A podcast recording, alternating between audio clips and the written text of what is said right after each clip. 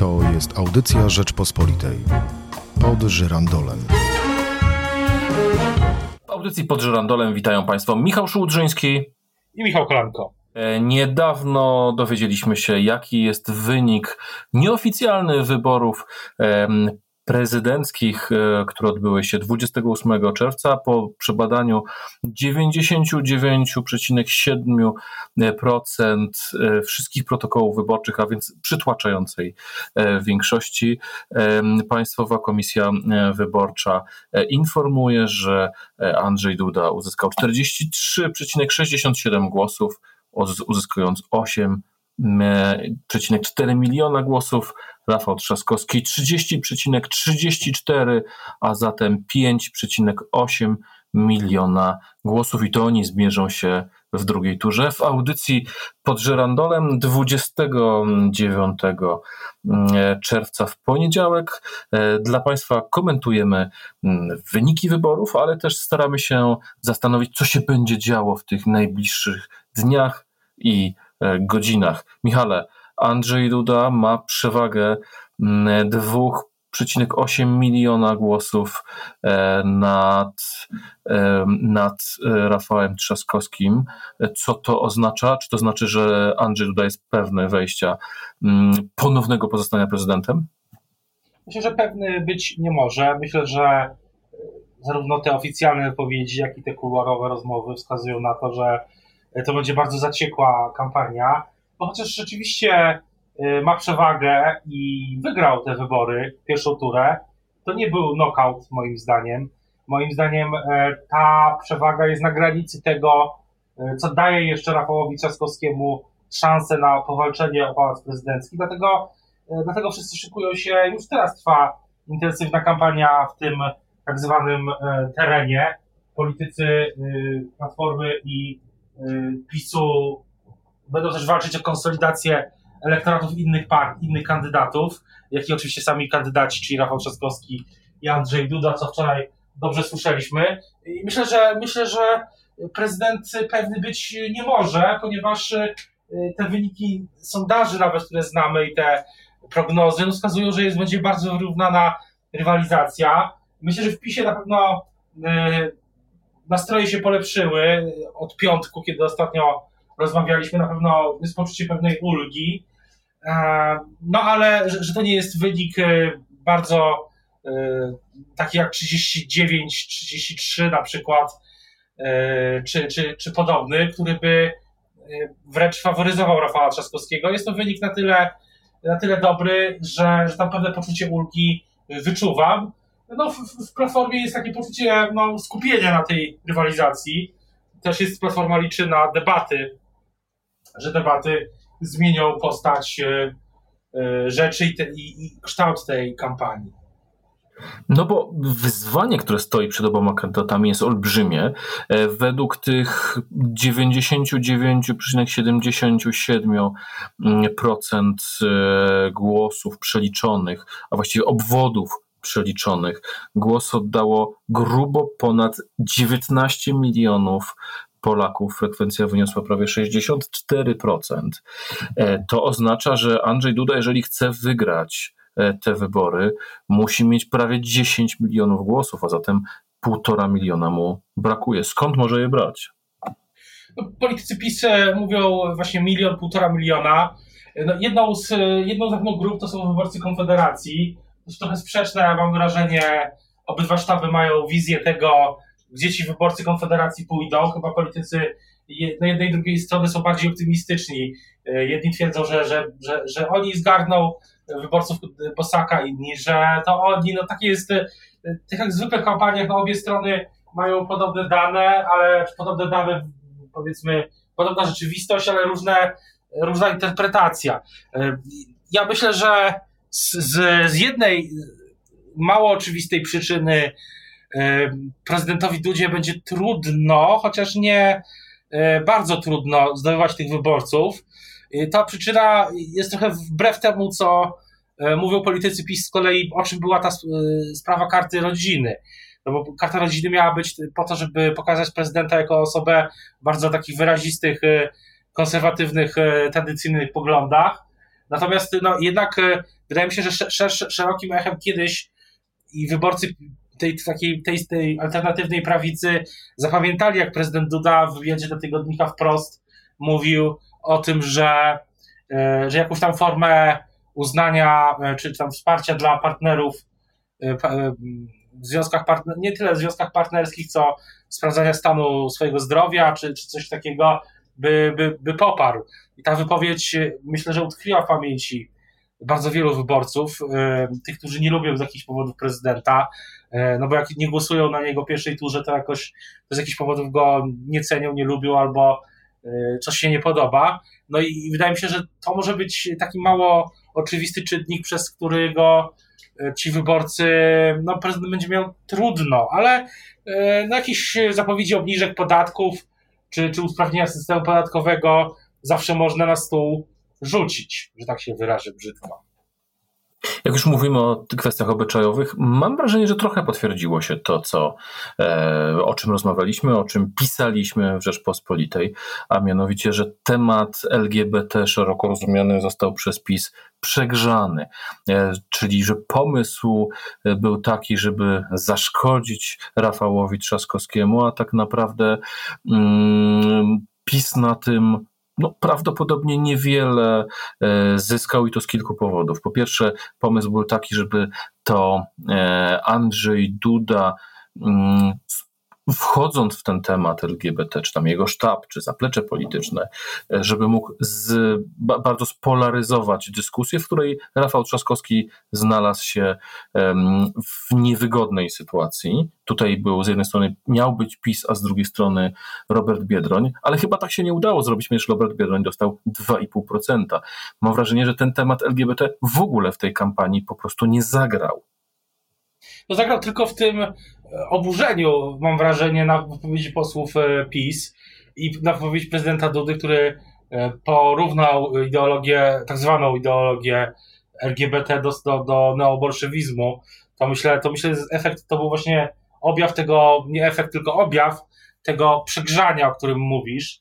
E, no i pytanie też oczywiście, co, co, będzie, co będzie dalej. Tego w rezultaty pierwszej tury wczorajsze były obserwowane na pewno przez wiele milionów widzów. E, pewnie dzisiaj już mniej osób śledziło albo włączy sobie portal e, Rzeczpospolitej na przykład, żeby sprawdzić wieczorem, co, e, co się wydarzyło, albo zobaczy to w wieczornych wiadomościach, albo w wieczornym programie na jednej ze stacji kablowych. No i wydaje się, że ta widownia tego wieczoru, wieczoru wyborczego wczoraj no zobaczyła jednak no taką paradoksalnie bardzo wyrównaną rywalizację, sami takie wrażenie. E, chociaż ten wyniki już takie wyrównane e, nie są.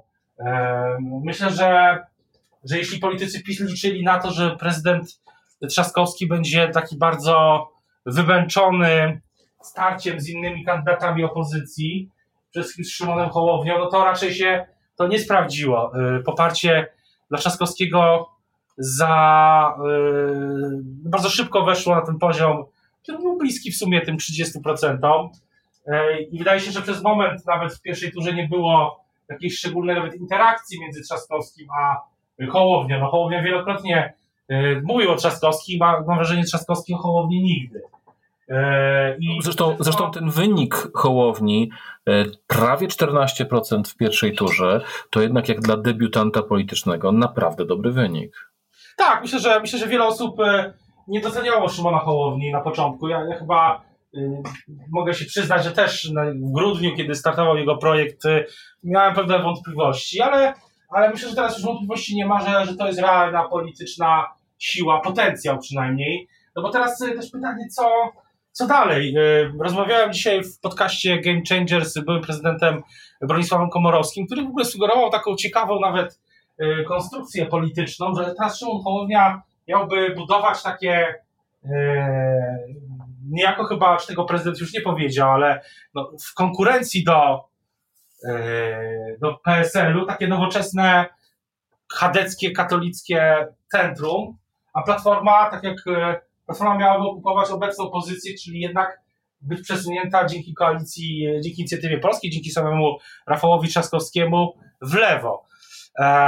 No to jest ciekawa koncepcja, mm, takiej jakiej pewnej, pewnego rodzaju współpracy. Też dzisiaj Borys Budka mówił o współpracy z Szymonem Hołownią. No, no i pytanie, czy, czy, czy to nie będzie właśnie dręcące dla Hołowni, czy, czy nie? No, na, na początku pewnie nie, no, ale budowa ruchu politycznego czy partii, kiedy nie ma wyborów przez trzy lata, no to wydaje się czymś trudnym. No więc właśnie i tutaj e, pod tym względem w interesie Szymona Hołowni wydaje się, że jest to, żeby jednak do wyborów mm, nawet nie tyle to doszło szybciej, to żeby doszło do niestabilności sceny politycznej, a tą niestabilność zagwarantuje wygrana mm, e, Rafała Trzaskowskiego i koabitacja, a nie wygrana Andrzeja Dudy i utrwalenie mm, monowładzy pisowskiej. No, ta monowładza, e, pytanie właśnie też, e, wydaje się, że na chwilę te, te spory wewnątrz PiSu już nie są tak spektakularnie na zewnątrz toczone. One są wewnętrzne dalej, ale spory w Zjednoczonej Prawicy. No i pytanie, co ten wynik wydaje mi się, że je na razie zatrzymał. Te 43% prezydenta. Tam nie ma, gdyby był niższy, no to pewnie już teraz dzisiaj trwałyby tam e, trwałyby tam jakieś wewnętrzne rozliczenia. Tymczasem no, na razie nie ma czego rozliczać, bo chociaż kampania PiSu, o czym ja już mówiłem, no ja uznaję ją za wtórną, wobec tych wszystkich kampanii wcześniej, no to przynajmniej na razie okazała się tam w miarę, okazała się dosyć skuteczna. Prezydent ma nawet więcej, około 360-50 tysięcy głosów więcej niż sam PiS w 2019 roku, co jest no, pewnie niezłym wynikiem, no ale z drugiej strony można powiedzieć tak, no ale zaraz, przecież i w grze był Donald Trump, i było w grze kwestie LGBT, i w grze było to i tamto, i, i w grze była E, było wsparcie całego rządu i premiera Morawieckiego i te inwestycje. No i nadal to nie jest e, zwycięstwo w pierwszej turze, ani jakiś tam, ani rodzaj knockoutu, to raczej zwycięstwo na punkty. Więc można to z dwóch stron na to patrzeć. Na pewno w PiSie dzisiaj nie, nie ma poczucia takiego jak w piątek. I raczej jest poczucie ulgi. A jakie są nastroje w sztabie Rafała Trzaskowskiego? Bo wydaje się, że on swoje zadanie wykonał. Te ponad 30 udało mu się zdobyć. Ma niezłą sytuację, ponieważ jak się popatrzy na liczbowo na te głosy, no to wiem, że to nie jest tak, że wszystkie głosy Hołowni, e, czy Kosiniaka, czy Biedronia pójdą na, mm, e, pójdą na Trzaskowskiego, ale jednak zsumowane głosy kandydatów opozycji e, tej bardziej centrowej czy liberalnej, no to jest niemal, to jest grubo ponad 9,5 miliona głosów, e, a zatem no to Trzaskowski ma lepsze możliwości mobilizowania e, i zdobywania wyborców niż, niż Duda. Jakie tam są nastroje? Myślę, że nastroje są, nie ma jakiejś eksplozji radości na pewno plan minimum został wykonany, taki, taki, myślę, jest, taki myślę jest poczucie. No i teraz, teraz jest no, ostra, ostra walka o konsolidację. No jest świadomość tego, że, e, że to nie będzie łatwe, ale z drugiej strony chyba nikt w platformie, z, tak, z mojego wyczucia, nigdy nie spodziewał się, że to nie że będzie łatwe. I, I wszystkie te nastroje na Twitterze, e, momentami absurdalne wpisy, e, dotyczące tego, że Trzaskowski wygra w ogóle w pierwszą turę czy w pierwszej turze, no zaszkodziły. No bo, bo rzeczywistość nigdy nie była tak różowa, że, że zwycięstwo Trzaskowskiego było ani łatwe, ani pewne, ani y, tym bardziej już w pierwszej y, turze. To było niemożliwe, żeby prezydent y, Duda musiałaby się stać jakaś, musiała być jakaś gigantyczna demobilizacja y, wyborców PiS na poza dużymi miastami. To się oczywiście nie stało, wręcz wydaje się, że bitwa o wozy, też wyśmiewana przez warszawski warszawskich komentatorów, y, y, niektórych zadziałała po prostu. Natomiast no i przez to, przez to no, rzeczywistość, którą widzieli sztabowcy Platformy, zawsze była bardzo ta ścieżka do prezydentury zawsze była trudna. No, Trzaskowski, myślę, uchronił tą ścieżkę, zdobywając te 30%. E, no w platformie zastanawiają się, gdzie, gdzie rezerwy szukać, jak po pierwsze zmobilizować wyborców, e, którzy nie poszli, na przykład w miastach, bo wydaje się, że jest takie poczucie niedosytu co do tej frekwencji w miastach, a dwa, no, y, jak skutecznie skonsolidować ten elektorat, a, a trzy, no jednak przekonać tych, którzy głosowali, że warto pójść ponownie, bo inaczej cała ta układanka nie będzie miała sensu. Y, no, z tego co rozumiem, jak rozmawiałem, to szykowane są niespodzianki y, i, i te projekcje, prognozy, sondaże no w zasadzie są zgodne, że, że, będzie, że jest remis wręcz. Jak Twoim zdaniem e, będzie wyglądać e, sytuacja, przyszłość polityczna tych kandydatów, którzy uważani są za największych przegranych, czyli Roberta Biedronia i Władysława Kośniaka-Kamysza? No tutaj jest, e, myślę, różnica polega na tym, że o ile że Robert Biedroń i Lewica bardzo sprawnie dokonali takiego manewru, który można podsumować takim hasłem nic się nie stało podkreślali, podkreślają lewicowy, politycy lewicy, że lewicowa agenda jest, idzie do przodu i tak dalej, i tak dalej, i tak dalej, że, że, że tak naprawdę y, no, że to, to jakby no, zamykają politycy ten, lewicy ten, ten, ten czas i, i, no, Pod tym względem e, Władysław Kosiniak-Kamysz nie może powiedzieć, że nic się nie stało, bo jest liderem partii i sromotnie przerżnął. Hmm. Na pewno wyborcy PSL-u będą się liczyć, to każdy. Rozmawiałem dzisiaj z Jackiem Protasiewiczem y, z klubu PSL Unii Europejskich Demokratów. No, on mówił, że Rafał Trzaskowski musi jakąś, y, jakiś gest wykonać do y, Władysława Kośniaka-Kamysza i zdobyć jego elektorat też, chociaż nie jest liczny. No bo ja myślę, że nie poznamy wyników wyborów na prezydenta RP do czasu policzenia co najmniej głosów z zagranicy.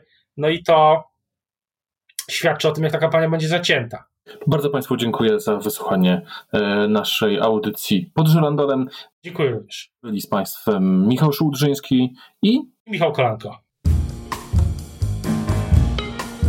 To była audycja Rzeczpospolitej pod żyrandolem.